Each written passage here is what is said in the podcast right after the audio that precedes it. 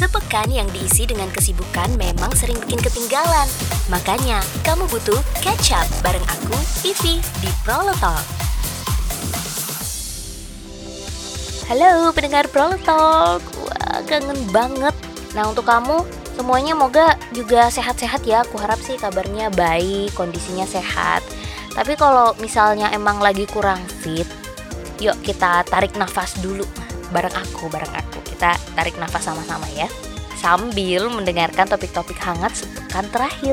Di mana lagi kalau bukan di It's Time to Spill Catch Up di Prolotalk.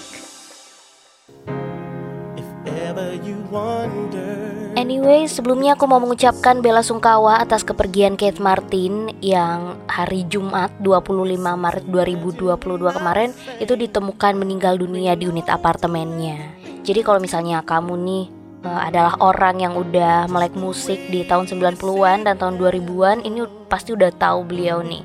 Beliau salah satu penyanyi legendaris yang bisa kita kenal dengan lagu-lagu baladanya ya kayak Never Find Someone Like You dan yang paling terkenal tuh Because of You ya. Nah dia ini juga pernah duet bareng Agnes Mo di lagu I Light a Candle di album Up A beberapa tahun yang lalu. Well, selamat jalan Cat Martin. Semoga bahagia di dimensi selanjutnya.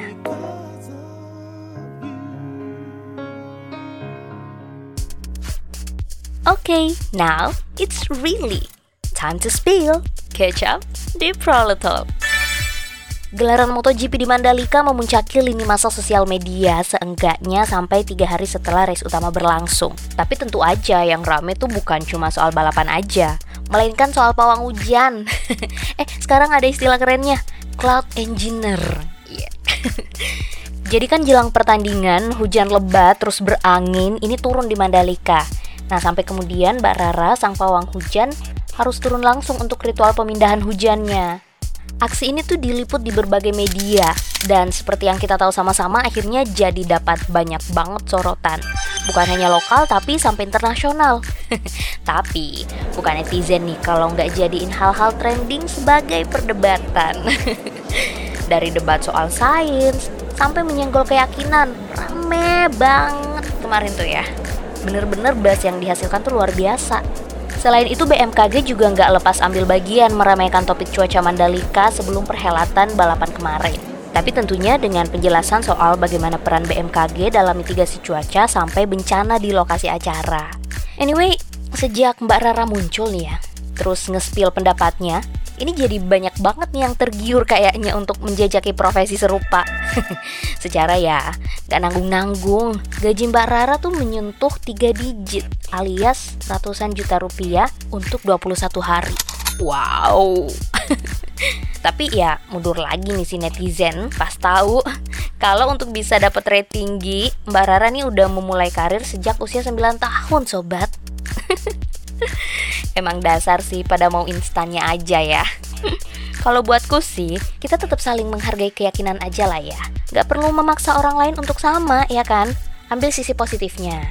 Jadi kita bisa tahu lebih banyak soal rekayasa cuaca secara sains, sekaligus jadi bisa lihat juga nih kekayaan budaya dari negeri kita terus ditampilkan di ajang internasional.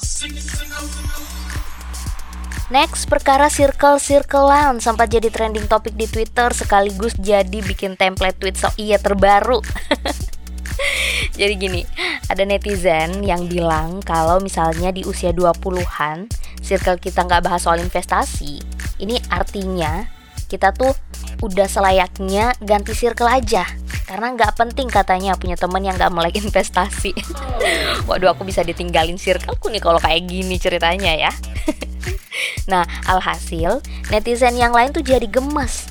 Banyak yang ngejekin, banyak juga yang jadiin parodi. Lucu juga ya kalau ada yang kayak gini, netizen bisa langsung bersatu gitu. Tapi ya tetap harus ingat sih, kalau mas yang nge-tweet ini tuh juga manusia. Sewajarnya aja kalau mau ngasih tahu kesalahannya. Ingat, jauhi cyberbullying, bestie.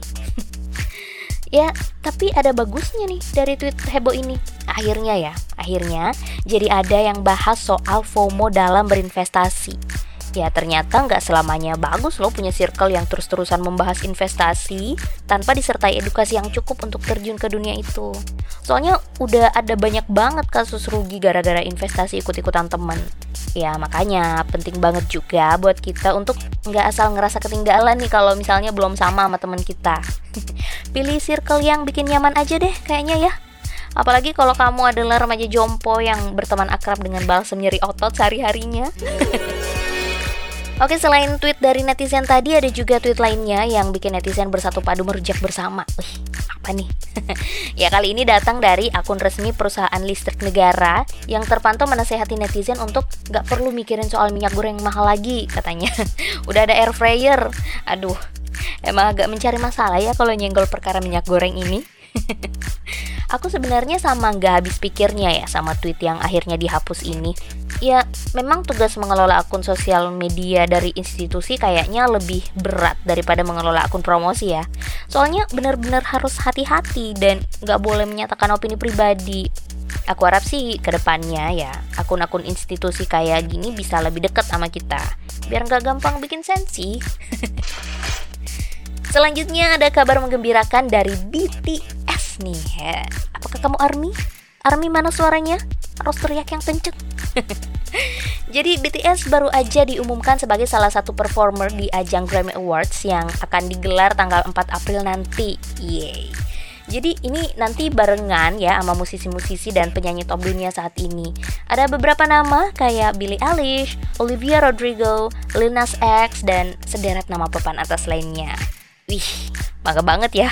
BTS ini bisa jadi kayak representasi Asia di perhelatan award bergensi itu nantinya, ya kan? Senang banget sih, karena udah mulai banyak nih yang bawa Asia ke kancah hiburan internasional. Dan kabar dari BTS tadi jadi info terakhir yang mau aku sampaikan di catch up episode kali ini. Ingat untuk kasih diri kamu istirahat yang cukup dan self care ya. Produktif gak berarti harus selalu bergerak loh. Bisa juga dengan mengambil nafas sesaat, ngasih hak tubuh untuk istirahat. Terima kasih sudah mendengarkan It's Time to Spill, catch up di Prolotalk. Sampai ketemu lagi. Sepekan yang diisi dengan kesibukan memang sering bikin ketinggalan. Makanya, kamu butuh catch up bareng aku, Vivi, di Prolotalk.